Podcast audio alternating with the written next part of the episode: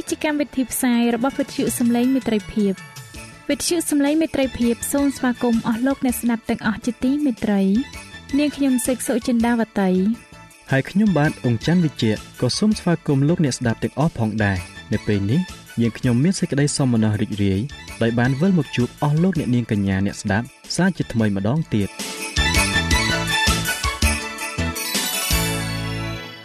នាងខ្ញុំសេកសុចិន្តាវតី សូមជម្រាបជូនកម្មវិធីផ្សាយដែលមានជាបន្តបន្ទាប់ដូចតទៅនេតិជួបជាមួយព្រះបន្ទូលនេតិសុខភាពចា៎លោកអ្នកស្ដាប់ជាទីមេត្រី នាងខ្ញុំសូមគោរពអញ្ជើញអស់លោកលោកស្រីអ្នកនាងកញ្ញាតាមដានស្ដាប់កម្មវិធីផ្សាយរបស់វិទ្យុយើងខ្ញុំដូចតទៅ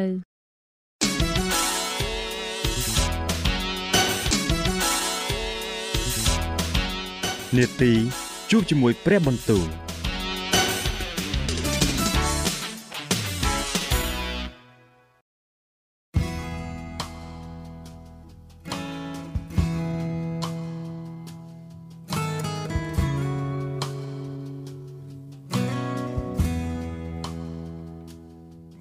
ចាអស់លោកអ្នកស្ដាប់ជាទីមេត្រី ជាដំបូងនាងខ្ញុំសូមអញ្ជើញលោកអ្នកនាងស្ដាប់នេតិជួបជាមួយព្រះបន្ទូលនេតិនេះនឹងលើកយកព្រះបន្ទូលពីព្រះគម្ពីរទំនុកដង្កើងដែលនឹងជម្រាបជូនដល់លោកអង្ចាន់វិជ្ជៈដូចតទៅ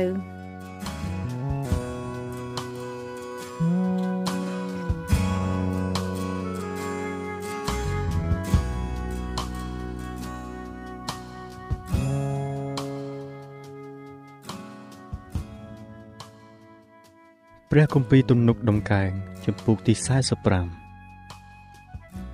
ចិត្តរបស់ខ្ញុំពេញហៀដោយសេចក្តីដ៏ល្អគឺខ្ញុំនិយាយពីសេចក្តីដែលខ្ញុំបាននិពន្ធពីដំណើរមហាក្សត្រអណ្ដាតខ្ញុំ ជាស្លាប់ប្រការនៃអ្នកតែងរឿងយ៉ាងជំនាញទ្រង់ព្រះករុណាល្អវិសេស ជាងអស់ទាំងពួកមនុស្សព្រះរឹមទ្រង់ប្រកបដោយព្រះគុណហេតុនោះបានជាព្រះ បានប្រទានពរដល់ទ្រង់ជាដរាបតទៅអោព្រះករុណាដ៏មានឥទ្ធិឫទ្ធិអើយ សូមក្រវ៉ាត់ដាវជាប់នៅត្រគាកទ្រង់ទុកជាគ្រឿងលម្អនិងសាក់យោះនៃទ្រង់ផងរួចជិះទៅ ដោយឥទ្ធិឫទ្ធិរបស់ទ្រង់មានទាំងជ័យជំនះផង ដើម្បីការពារសេចក្តីពិតសេចក្តីសុភាពនៅសេចក្តីសុចរិតនោះព្រះហស្តាមនៃទ្រង់នឹងបង្រៀនទ្រង់ពីការដែលគួរកោតខ្លាចព្រួញទ្រង់មុតឈៀបដល់បេះដូងរបស់ពួកខ្មាំងសត្រូវនៃព្រះករុណា សះទាំងប៉ុន្មាននឹងដួលចុះនៅក្រោមទ្រង់អោព្រះអង្គអើយបាឡាំងទ្រង់ស្ថិតថេរនៅអស់កល ជានិច្ចរៀងរៀបតទៅឯព្រះដំបងពេជ្ររបស់រាជទ្រង់នោះជាដំបងសុចរិតទ្រង់បានស្រឡាញ់សេចក្តីសុចរិតហើយស្អប់ការទុច្ចរិតហេតុនោះបានជាព្រះ គឺជាព្រះនៃទ្រង់បញ្ចាក់ប្រេងថ្វាយទ្រង់ជាព្រេងនៃសេចក្តីត្រេកអរសាទរលើសជាងពួកសម្លាញ់នៃទ្រង់ ព្រះពស់ទ្រង់ផ្សាយក្លិនក្រអូប ដោយជ័រល្វីងទេស គ្រឹស្ណានិងកំញានមានលឺសូរភ្លេងចេញពីដំណាក់ភ្លុកបណ្ដាលឲ្យទ្រង់សប្បាយឡើង មានបុត្រីស្ដេចនៅក្នុងពោះស្ត្រីជាន់ខ្ពស់របស់ទ្រង់ឯអគ្គមហេសីព្រះនាងគង់នៅខាងស្ដាំទ្រង់ប្រដាប់ដោយគ្រឿងមាសពីស្រុកអូភាកូនស្រីអើយចូលស្ដាប់ហើយពិចារណា ចូលផ្ទៀងត្រចៀកស្ដាប់ចុះចូលភ្លេចសះឯងនិងផ្ទះឪពុកឯងទៅ នោះស្ដេចនឹងគប់ព្រះハរតីដោយសេចក្តីលំអរបស់ឯងត្បិតទ្រង់ជាចៅវាយឯងដូច្នេះត្រូវកោតខ្លាចដល់ទ្រង់ឯបុត្រីក្រុងទីរស់នាងនឹងនៅទីនោះទាំងថ្វាយដងវាយផងពួកអ្នកមានក្នុងបណ្ដាជននឹងមករកពឹងគុណនៃឯងដែរឯបុត្រីនៃស្ដេចដែលនៅក្នុងដំណាក់នាង មានសេចក្តីរុងរឿងព្រះភូសារបស់នាងចម្រោះដោយមាសគេនឹងនាំនាងមកថ្វាយព្រះករុណាប្រដាប់ដោយព្រះភូសាបៈឯពួកព្រហ្មចារី ជាភឿនដែលដង្ហែនាងមក នោះនឹងមកឯទ្រង់ដែរនឹងមានអ្នកនាំគេចូលមក ក្នុងព្រះរាជដំណាក់ដោយមានសេចក្តីរីករាយសប្បាយនោះនាងនឹងបានព្រះរាជបុត្រជំនួសឪពុកហើយនាងនឹងតាំងព្រះរាជបុត្រទាំងនោះ ឲ្យធ្វើជាចៅហ្វាយនៅគ្រប់លើផែនដីអញនឹងធ្វើឲ្យមានសេចក្តីរលឹកនឹកចាំពីឈ្មោះឯងនៅគ្រប់ទាំងដំណរមនុស្សតទៅហេតុនោះអស់ទាំងសះនឹងសរសើរដល់ឯងនៅអស់កលជានិច្ចរៀងរៀបតទៅ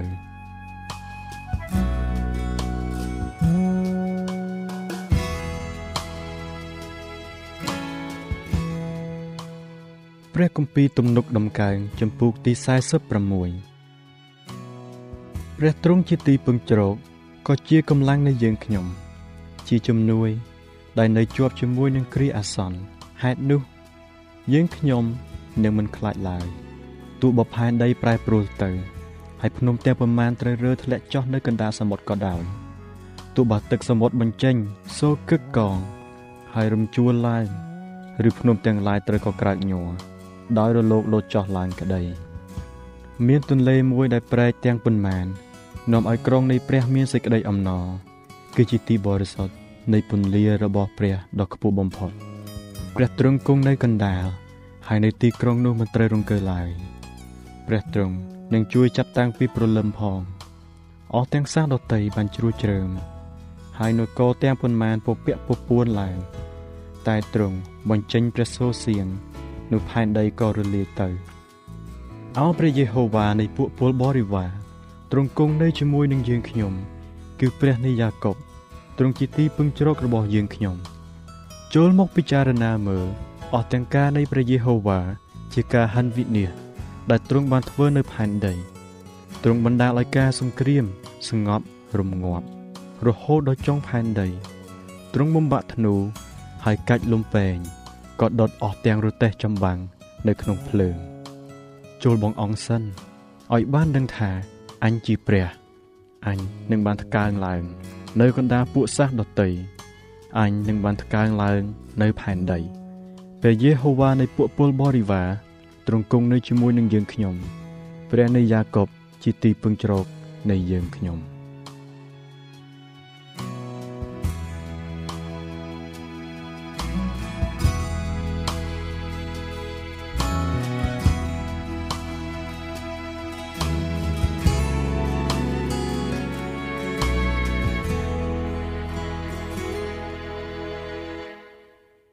ព្រះគម្ពីរទំនុកដំកើងចំពុកទី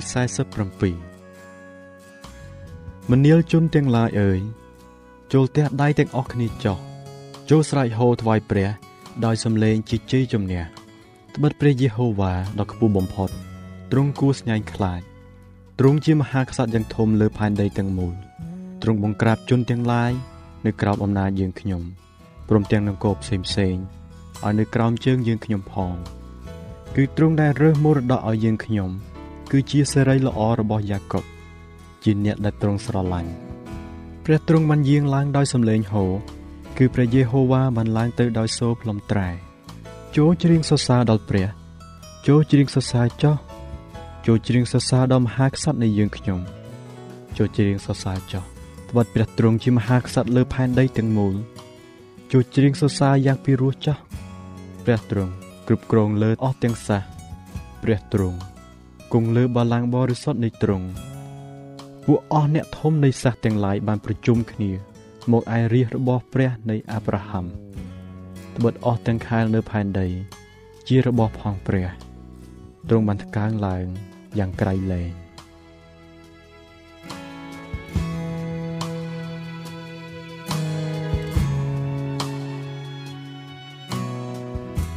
ចា៎ប្រិយមិត្តអ្នកស្ដាប់ជាទីមេត្រី ដោយពេលវេលាមានកំណត់ យើងខ្ញុំសូមផ្អាកនេតិជប់ជាមួយព្រឹបបន្ទូលនេះត្រឹមតែប៉ុណ្ណេះសិនចុះដោយសន្យាថានឹងលើកយកនីតិនេះមកជម្រាបជូនជាបន្តទៀតនៅថ្ងៃស្អែកសូមអរគុណ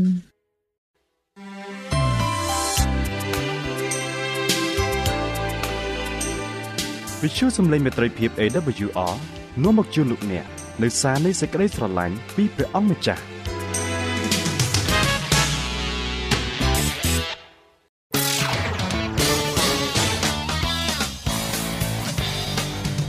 សូមជូននីតិសុខភាព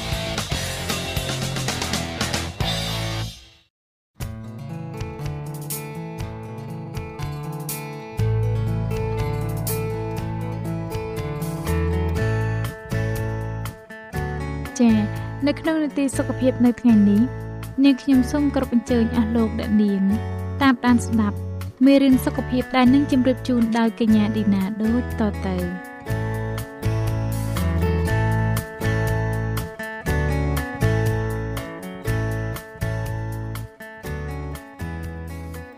នាងខ្ញុំសូមជម្រាបសួរអស់លោកលោកស្រីនិងប្រិយមិត្តអ្នកស្ដាប់ជាទីមេត្រី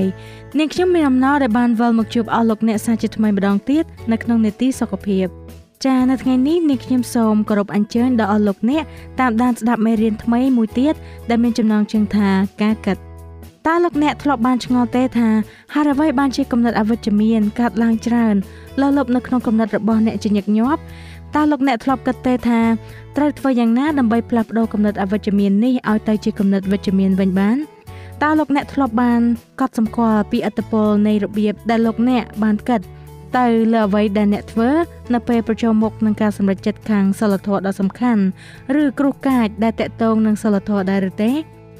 នៅពេលដែលក្រុមអ្នកស្ម័គ្រចិត្តបានទ្រាំអត់ងងុយមិនទទួលទានដំណេកពីយប់ អ្នកស្រាវជ្រាវខាងកងទ័ពបានរកឃើញថា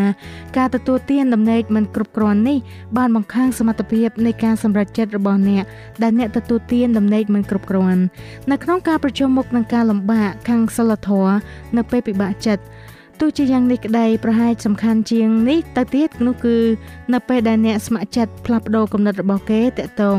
ទៅនឹងអ្វីដែលត្រឹមត្រូវខាងសិលធម៌ដែលជាលទ្ធផលនៃការទទួលទានដំណេកមិនគ្រប់គ្រាន់នោះមិនមែនករណីទូទៅទេ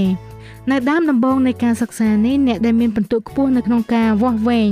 មួយដែលគេស្គាល់ថាជាការប៉ិនប្រសពខាងអារម្មណ៍នឹងមិនបានងាករេចេញពីអ្វីដែលគេបានរកឃើញថាត្រឹមត្រូវខាងសិលធម៌នោះទេ ការសិក្សាដតីទៀតជាច្រើនជួយបញ្ជាក់ពីសេចក្តីពិតដ៏អស្ចារ្យមួយនៅក្នុងគម្ពីរសុភាសិតចំពុក23ខ7ដែលចែងថាគេកាត់ក្នុងចិត្តយ៉ាងណា គេក៏ដូច្នោះដែររបៀបដែលយើងពិចារណារៀបចំការឆ្លើយតបរបស់យើងទៅនឹងជីវិត កំណត់របស់យើងគ្រប់គ្រងលើអ្វីដែលយើងធ្វើជាការប្រព្រឹត្តរបស់យើងដែលតែងតែធ្វើតាមអ្វីដែលនៅក្នុងចិត្តរបស់យើងយើងធ្វើសកម្មភាពចេញមកនៅរូបភាពដែលយើងមាននៅក្នុងសន្តិរបស់យើង ប្រកាសណាស់យើងទាំងអស់គ្នាត្រូវតែប្រឈមនឹងគ្រោះអាសន្ននៃការចោទប្រកាន់ខាងសិលធម៌ធ្ងន់ធ្ងរមកលើអារម្មណ៍យ៉ាងហោចណាស់ក៏ពីរបីដងដែរនៅក្នុងជីវិតរបស់យើងហើយនៅពេលដែលយើងមានបញ្ហានេះកើតឡើងតើយើងនឹងឆ្លើយតបទៅវិញដោយរបៀបណានៅក្នុងឱកាសបែបនេះការប៉ិនប្រសពខាងអារម្មណ៍ប្រែជាคล้ายទៅជាសញ្ញាវិជ្ជមានចាតើការប៉ិនប្រសពខាងផ្លូវចិត្តគឺជាអ្វី តាមប្រពៃណីយើងយល់ថាការប្រិនប្រសពគឺជាចំណេះដែលយល់ដឹងឬសមត្ថភាពខាងគំនិតរបស់មនុស្សម្នាក់មធ្យោបាយដែលគេប្រើសម្រាប់វាស់វែងការប្រិនប្រសពខាងអារម្មណ៍នេះគឺជាការសាកល្បងមួយដែលភាសាអង់គ្លេសហៅថា IQ ពាក្យពេញគឺ Intelligence Quotient ដែលប្រែថាផលចែកនៃប្រាជ្ញា នៅឆ្នាំ1983លោក Howard Gardner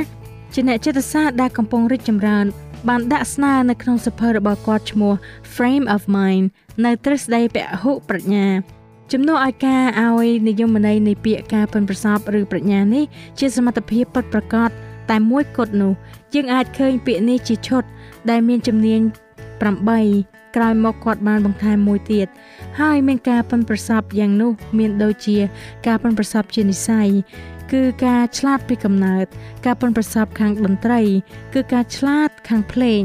ការប៉ិនប្រសពខាង តកវិជ្ជា គឺជាការប្រកែខាងលេខគិតគូរពិចារណា ការប៉ិនប្រសពនៃបុគ្គលគឺភាពឆ្លាតនៃមនុស្សការប៉ិនប្រសពនៃចលនារាងកាយគឺការប្រកែខាងរាងកាយការប៉ិនប្រសពខាងភាសាគឺប្រកែខាងពាក្យសម្ដីការប៉ិនប្រសពនៅក្នុងចិត្តបុគ្គលម្នាក់ម្នាក់គឺភាពប្រកែផ្ទាល់ខ្លួន ការប៉ិនប្រសពខាងពិចារណា គឺភាពប្រកែខាងរូបភាព និងការប៉ិនប្រសពខាងរស់នៅ គឺភាពប្រកែខាងសិលធម៌ ក្រោយមកនៅឆ្នាំ1995អ្នកចិត្តសាស្ត្រនិងជាអ្នកសារព័ត៌មាននៃវិទ្យាសាស្ត្រឈ្មោះ Daniel Goleman បានចាប់ផ្ដើមបោះពុម្ពសិភៅមួយដែលដែលលក់ដាច់ជាងគេនៅលើសកលលោក មានចំណងជើងថាការប្រិនប្រសពខាងអារម្មណ៍ដែលបានធ្វើឲ្យមនុស្សជាច្រើនស្គាល់ប្រាជ្ញាប្រភេទនេះដែលគេឲ្យនិយមន័យជាទូទៅថាជាសមត្ថភាពមនោសញ្ចេតនានៃគំនិត ឬសមត្ថភាពដើម្បីកំណត់អត្តសញ្ញាណ វាយតម្លៃនិងគ្រប់គ្រងផ្លូវចិត្តយោងតាមលោក Daniel Goleman ប្រាជ្ញាខាងគំនិតនេះជាចំណុចផ្សេងផ្សេងគ្នា5គឺ1ការដឹងពីអារម្មណ៍របស់យើង2ការគ្រប់គ្រងអារម្មណ៍របស់យើង3ការទទួលស្គាល់អារម្មណ៍របស់មនុស្សដទៃ4ការគ្រប់គ្រងទំនាក់ទំនងជាមួយមនុស្សដទៃ5លើកទឹកចិត្តខ្លួនឯងដើម្បីសម្រេចគោលដៅរបស់យើងទាំង5នេះសុទ្ធតែសំខាន់ទាំងអស់ព្រោះយើងតែងតែត្រូវការបកស្រាយនិងការគ្រប់គ្រងអារម្មណ៍ អស់លោកអ្នកស្ដាប់ជាទីមេត្រីជាបន្តទៀតសូមលោកអ្នកស្ដាប់ពីទូនាទីនៃការប្រិនប្រសពខាងអារម្មណ៍វិញម្ដង ការប្រិនប្រសពខាងអារម្មណ៍ EQ ឬ EI នេះមិនគ្រាន់តែតកតងទៅនឹងការសម្រេចចិត្តប៉ុណ្ណោះទេ ចាពាក្យពេចន៍របស់ EQ គឺ emotional quotient ការសិក្សាបានបង្ហាញថាខណៈដែលមនុស្សម្នាក់បានទទួលការងារបន្ទាប់ពីការបញ្ចប់ការសិក្សាពីសាកលវិទ្យាល័យមកក៏អាចឆ្លុះបញ្ចាំងពីកម្រិតនៃការប៉ិនប្រសប់ខាងប្រាជ្ញា IQ របស់គេដែរតែការងាររបស់គេ ដែលរីកចម្រើននៅមុខបានវាតកតងទៅនឹងការប៉ិនប្រសប់ IQ នេះតិចតួចណាស់វាមិនគ្រាន់តែជាប់តាក់ទងនឹងបន្ទុកនៅក្នុងសាលារបស់ពួកគេប៉ុណ្ណោះទេ តែវាតាក់ទងទៅនឹងការប៉ិនប្រសប់ខាងអារម្មណ៍ EQ របស់ពួកគេថែមទៀតផងភាពជោគជ័យនិងភាពរីករាយនៅក្នុងជីវិតរបស់យើងតាក់ទងយ៉ាងជិតស្និទ្ធជាមួយនឹងកម្រិតនៃអារម្មណ៍ EQ ខ្លាំងជាងកម្រិតនៃការប៉ិនប្រសប់ IQ ឬកម្រិតដទៃផ្សេងទៀតទាំងអស់ ការសិក្សាខុសៗគ្នាខាងវិទ្យាសាស្ត្របានបង្ហាញថាកំណើននៃប្រាជ្ញាខាងអារម្មណ៍ EQ របស់មនុស្សនឹងការពារឬព្យាបាលជំងឺបាក់ទឹកចិត្តជំងឺភ័យខ្លាចឥតរឿងហេតុជំងឺញាក់សរីរាង្គណាមួយខុសប្រក្រតីឬជំងឺបាក់ស្បាតដោយសារស្រមោលខ្មាំងងឹតពីអតីតកាលការធំអាហារការបរិភោគច្រើនហួសនិងញឹកញាប់ពេកនិងការញៀនផ្សេងៗដូចជាញៀនស្រាជាដើមឧទាហរណ៍កម្មវិធីបំបត្តិ ការញៀនស្រា12ជំហានដោយមិនបានបង្ហាញថាមានអ្វីខ្លះនោះបានទទួលជោគជ័យគួរឲ្យកត់សម្គាល់ប៉ុន្តែកម្មវិធីនេះនឹងទទួលបានជោគជ័យ4ដងបន្ថែមទៀតប្រសិនបើគេបានបញ្ចូលកម្មវិធី បង្កើនការប៉ិនប្រសពខាងអារម្មណ៍ផងដែរចុះចំណែកមនុស្សដែលមិនបានញៀនឬមិនបានមានជំងឺ ណាមួយវិញនោះតើយ៉ាងដូចម្តេចដែរ ការបង្កើនប្រាជ្ញាខាងអារម្មណ៍ EQ នឹងជួយឲ្យបុគ្គលទាំងនោះកាន់តែពូកែគិតនិងតេតងជាមួយមនុស្សដទៃកាន់តែមានប្រសិទ្ធភាពថែមទៀតការប្រុងប្រសពខាងអារម្មណ៍ EQ នេះនឹងបង្កើនឯកភាពនៅក្នុងក្រុមជួយកាត់បន្ថយគំនិតផ្ទុយគ្នានិងលើកកម្ពស់ជីវិតដ៏រីករាយចាលោកអ្នកស្ដាប់ជាទីមេត្រីជាបន្តទៀតសូមអស់លោកអ្នកស្ដាប់ពីអត្តពលពីការពិនប្រសពខាងអារម្មណ៍វិញម្ដងពួកអ្នកស្រាវជ្រាវបានពង្រីកការសិក្សានៅក្នុងទស្សវត្ស កន្លងមកនេះទៅលើអ្វីដែលអាចមានឥទ្ធិពលលើការពឹងប្រសពខាងអារម្មណ៍ EQ ហ្សែនពីកំណត់របស់យើងបទពិសោធន៍ពីកុមារភាពនិងកម្រិតនៃការគ្រប់គ្រងខាងអារម្មណ៍ពេលបច្ចុប្បន្នរបស់យើងទាំងអស់នេះដើរតួយ៉ាងសំខាន់ដូចជាអ្វីដែលយើងបរិភោគដែរលោក Bonnie Beeshole បានបង្ហាញថា របបអាហារដែលមានមូលដ្ឋានពីរុក្ខជាតិត្រូវបានភ្ជាប់ជាមួយនឹងអារម្មណ៍ដែលមានសុខភាពល្អដែលមានទាំងក្នុងបុរសនិងស្ត្រី ការបដូរទៅលើម្ហូបអាហារគ្មានសាច់ឬអាហារបួសនឹងជួយកាត់បន្ថយកម្រិតនៃភាពតានតឹងការថប់អារម្មណ៍និងជំងឺបាក់ទឹកចិត្តតាមការចម្រោះមើលទៅ គឺដោយសារតែអាហាររុក្ខជាតិมันមានអាស៊ីតអារ៉ាស៊ីដូនិកដែលជាជាតិខ្លាញ់ធ្វើឲ្យរលាកច្រើនដូចនៅក្នុងសាច់និងត្រីឡើយ។ សកម្មភាពរបស់យើងមានអត្ថប្រយោជន៍យ៉ាងខ្លាំងទៅលើសមត្ថភាពនៃប្រាជ្ញា IQ និងសមត្ថភាពនៃអារម្មណ៍ EQ របស់យើង ការមើលទូរទស្សន៍កំសាន្តកាន់តែច្រើនគំនិតច្នៃប្រឌិតនិងពិន្ទុរបស់គេក៏កាន់តែចុះទាបដែរលើពីនេះទៅទៀតលទ្ធផលនៃកង្វះការគ្រប់គ្រងអារម្មណ៍ដែលរាប់បញ្ចូលទាំងកំណើននៃអំពើហិង្សានិងអក្រិតកម្មផ្លូវភេទផងដែរ ការកំសាន្តតាមប្រព័ន្ធអ៊ីនធឺណិតវីដេអូនិង video games ក៏មានឥទ្ធិពលមិនល្អដែរដោយសារវគ្គពលបានថ្លែងនៅក្នុងព្រះគម្ពីរករិនថូសទី2ចំពុក3ខ18ថាយើងកំពុងតែផ្លាស់ប្រែទៅ ទោះជាយ៉ាងនេះក៏ដោយអត្តពលដ៏សំខាន់បំផុតលើសមត្ថភាពខាងអារម្មណ៍គឺជាអ្វីដែលយើងជឿជំនឿរបស់យើងការវិតម្លៃរបស់យើងទៅលើព្រឹត្តិការណ៍ផ្សេងផ្សេងរបៀបដែលយើងគិតគូរអំពីបញ្ហាការស្ងៀមស្ងាត់របស់យើងឬពេលខ្លះមិនសូវស្ងៀមស្ងាត់ឬការពិភាក្សាខ្លួនឯងភាកច្រើនមកកាន់អារម្មណ៍របស់យើងដូច្នេះជំនឿរបស់យើងមានអត្តពលយ៉ាងខ្លាំងទៅលើរបៀបគិតគូររបស់យើងជាងអ្វីដែលកំពុងកើតឡើងពិតប្រាកដនៅក្នុងជីវិតរបស់យើងទៅទៀតផង។ សូមយើងមកឧទាហរណ៍ពីព្រះគម្ពីរមេនគរបាលបានចាប់លោកប៉ុលនិងស៊ីឡាហើយវាយដំយ៉ាងព្រៃផ្សៃដោយគ្មានការជំនុំជម្រះដោយយុត្តិធម៌ឡើយបន្ទាប់មកក៏យកពួកគាត់ទៅដាក់ក្នុងគុកជ្រៅព្រមទាំងដាក់ខ្នោះភ្ជាប់ទៅជើងផងកិច្ចការជំពូក16ខ22ដល់ខ24ប៉ុន្តែលោកប៉ុលនិងស៊ីឡាបានច្រៀងសរសើរដល់ព្រះតើមកពីហេតុអ្វីទៅ គឺដោយសារតែគំនិតរបស់ពួកគាត់មានអនុភាពខ្លាំងជាងអ្វីដែលបានកើតឡើងពិតប្រាកដនៅក្នុងជីវិតរបស់គាត់យើងអាចរៀននិងបង្កើនការប៉ិនប្រសប់ខាងអារម្មណ៍តាមរយៈការប្រកាន់គោលការណ៍មួយចំនួនចាឥឡូវសូមលោកអ្នកស្ដាប់ពីការបញ្យល់3យ៉ាងតាមរយៈគំរូនៃព្រះគម្ពីរករណីទី1ជាករណីរបស់ស្ដេចសូលព្រះគម្ពីរសាមយូអាទី1ចំពុក9ខ1ដល់ខ2បានចែងថាស្ដេចសូលមានរាងខ្ពស់សង្ហានិងមានទ្រព្យសម្បត្តិ ទោះជាយ៉ាងនេះក៏ដោយលក្ខណៈបែបនេះមានឥទ្ធិពលតិចតួចណាស់ទៅលើការពឹងប្រសពខាងអារម្មណ៍គំនិតអវិជ្ជមានបានចាប់ផ្ដើមកើតឡើងនៅក្នុងប្រទេសរបស់ទ្រង់ដែលតំណាងឲ្យការគិតមិនសមហេតុផលនិងការបំភ្លើសយើងក៏ដឹងពីមូលហេតុនៃភាពចលាចលខាងផ្លូវចិត្តរបស់ទ្រង់យ៉ាងតិចក៏បីដែរគំនិតទី1គឺបំភ្លៃការយល់ដឹងពីតូចទៅធំពីធំមកតូច និយាយឲ្យចំគឺពង្រីករឿងដែលមិនសំខាន់ឲ្យធំ ហើយពង្រួមរឿងដែលសំខាន់ឲ្យទូចមកវិញតើស្ដេចសូបង្រួមរឿងឲ្យទូចរបៀបណា នៅពេលប្រជុំនឹងកំហុសរបស់ព្រះអង្គទ្រង់បានស្ដីបន្តដល់មនុស្សដទៃហើយបង្ហាញថាទ្រង់ត្រឹមត្រូវសាមយាអាទី1ចំពុក15ខ20ដល់ខ21ស្ដេចសបានរអ៊ូដាក់ហោរាសាំយូអែលដែលនៅទល់មុខត្រង់ថាតើហេតុអ្វីបានជាលោកមិននិយាយតែពីអ្វីដែលខ្ញុំបានធ្វើត្រឹមត្រូវទៅ លោកកំពុងផ្ដោតតែទៅលើកិច្ចការដែលខ្ញុំបានធ្វើខុសដែលកិច្ចការទាំងនោះមិនមែនជារឿងធំទេទ្រង់មិនបានរៀនសូត្រពីកំហុសរបស់ទ្រង់ឡើយ។គំនិតទី2ស្ដេចសបានគិតតែពីរឿងមិនត្រឹមត្រូវនៅក្នុងប្រជជនរបស់ទ្រង់ជាលទ្ធផលនៃកំហុសរបស់ទ្រង់ស្ដេចសបានទទួលការជំនុំជម្រះហើយស្ដេចសបានគិតថាការផ្ដន់ទាទោសនោះធ្ងន់ធ្ងរជាងបទអក្រិតទៅទៀតតែទ្រង់នៅតែប្រព្រឹត្តជាពិសេសព្រះបានចេញសារក្រមដោយផ្ទាល់ព្រះអង្គយើងត្រូវតែទទួលស្គាល់ថាមិនមែនមនុស្សគ្រប់រូបសុទ្ធតែទទួលបាននូវការប្រព្រឹត្តដោយយុត្តិធម៌ពីសំណាក់អ្នកដទៃនោះទេប៉ុន្តែទោះបីនៅក្នុងស្ថានភាពអាក្រក់បែបនេះក៏ដោយការគិតពីភាពអយុត្តិធម៌នឹងបណ្ដាឲ្យមានបញ្ហាខាងអារម្មណ៍ធ្ងន់ធ្ងរជៀសមិនរួច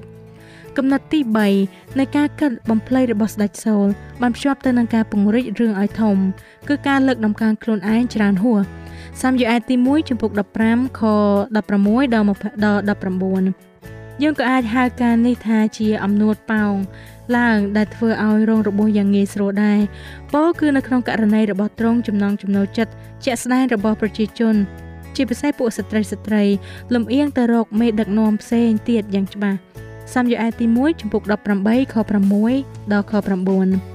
ប្រសិនបើយើងរកឃើញថាយើងមិនបានដំកើងខ្លួនដោយការតេះដៃអបអរសាទរ ឥតឈប់ឈរទេប្រសិនបើយើងបន្ទាបខ្លួន ហើយមិនលើកខ្លួនឯងឲ្យខុសពីភាពដើមទេនោះយើងហាក់ដូចជាមិនសូវមានការបាក់ទឹកចិត្តធ្ងន់ធ្ងរដោយការរិះគន់ឬការខកចិត្តឡើយត្រង់នេះមិនមែនមានន័យថា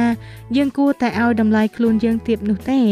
អ្នកគ្រីស្ទានទទួលស្គាល់ថាព្រះគ្រីស្ទបានសក្កត់ចំនួនមនុស្សសំបីតែម្នាក់ក៏ដោយចំណុចនេះធ្វើឲ្យយើងទាំងអស់គ្នាពិតជាមានតម្លៃប៉ុន្តែនៅពេលដែលយើងគិតថា យើងសំខាន់ជាងមនុស្សម្នាក់ដែលអង្គុយជាប់យើងជាអ្នកដែលព្រះគ្រីស្ទបានសក្កត់ចំនួនផងដែរនោះយើងបានឆ្លងព្រំដែនចូលទៅក្នុងភាពក្រអឺតក្រទមនិងអំនួតហើយ។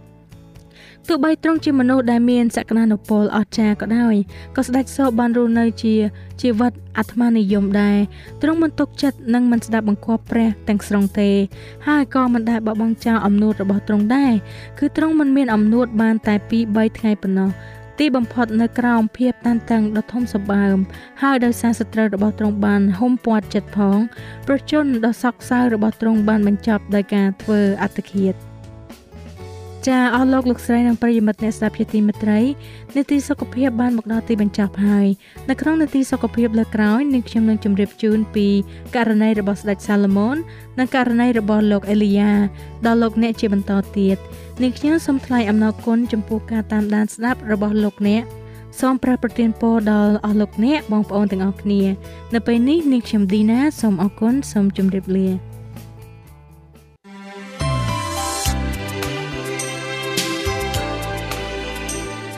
វិទ្យុសំឡេងមេត្រីភាព AWR មានផ្សាយពីរដងក្នុងមួយថ្ងៃគឺព្រឹកនៅម៉ោង6និងពេលយប់នៅម៉ោង8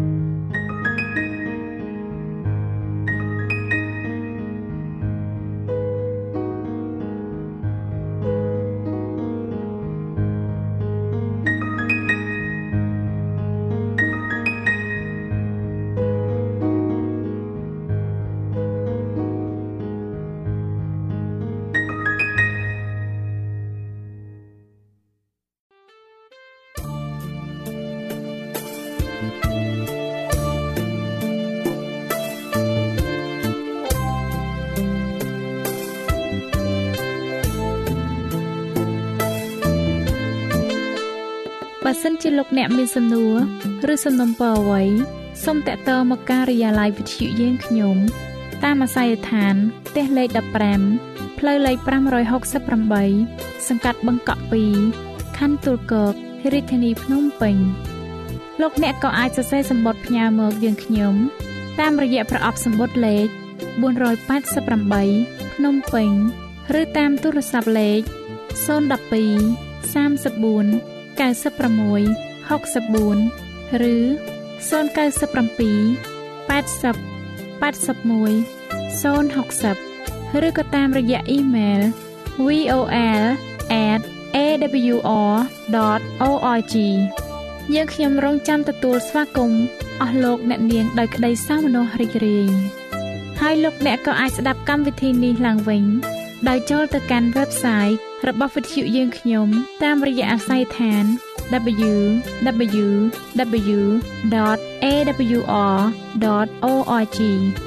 លោកអ្នកនាងកញ្ញាជាទីមេត្រី កម្មវិធីផ្សាយរបស់វិទ្យុសំឡេងមេត្រីភាពនៅពេលនេះសូមបញ្ចប់តែប៉ុណ្ណេះយើងខ្ញុំសូមអរគុណចំពោះការតាមដានស្ដាប់របស់អស់លោកអ្នកតាំងពីដើមរហូតដល់ចប់យើងខ្ញុំសូមជូនពរឲ្យអស់លោកអ្នកនាងកញ្ញាទាំងអស់បានចម្រើនឡើងក្នុងព្រះគុណព្រះអង្គម្ចាស់ ហើយក្នុងការទទួលយកព្រះយេស៊ូវគ្រីស្ទជាព្រះអង្គម្ចាស់និងជាព្រះអង្គសង្គ្រោះនៃយើងរាល់គ្នានាទីផ្សាយរបស់វិទ្យុយើងខ្ញុំនឹងវិលមកជួបអស់លោកអ្នកសាជាថ្មីម្ដងទៀតនៅថ្ងៃស្អែកវេលាម៉ោងដដែលនាងខ្ញុំសេកសុចិនាវតីនិងខ្ញុំបាទអ៊ំច័ន្ទវិជ្ជៈសូមអរគុណសូមជម្រាបលា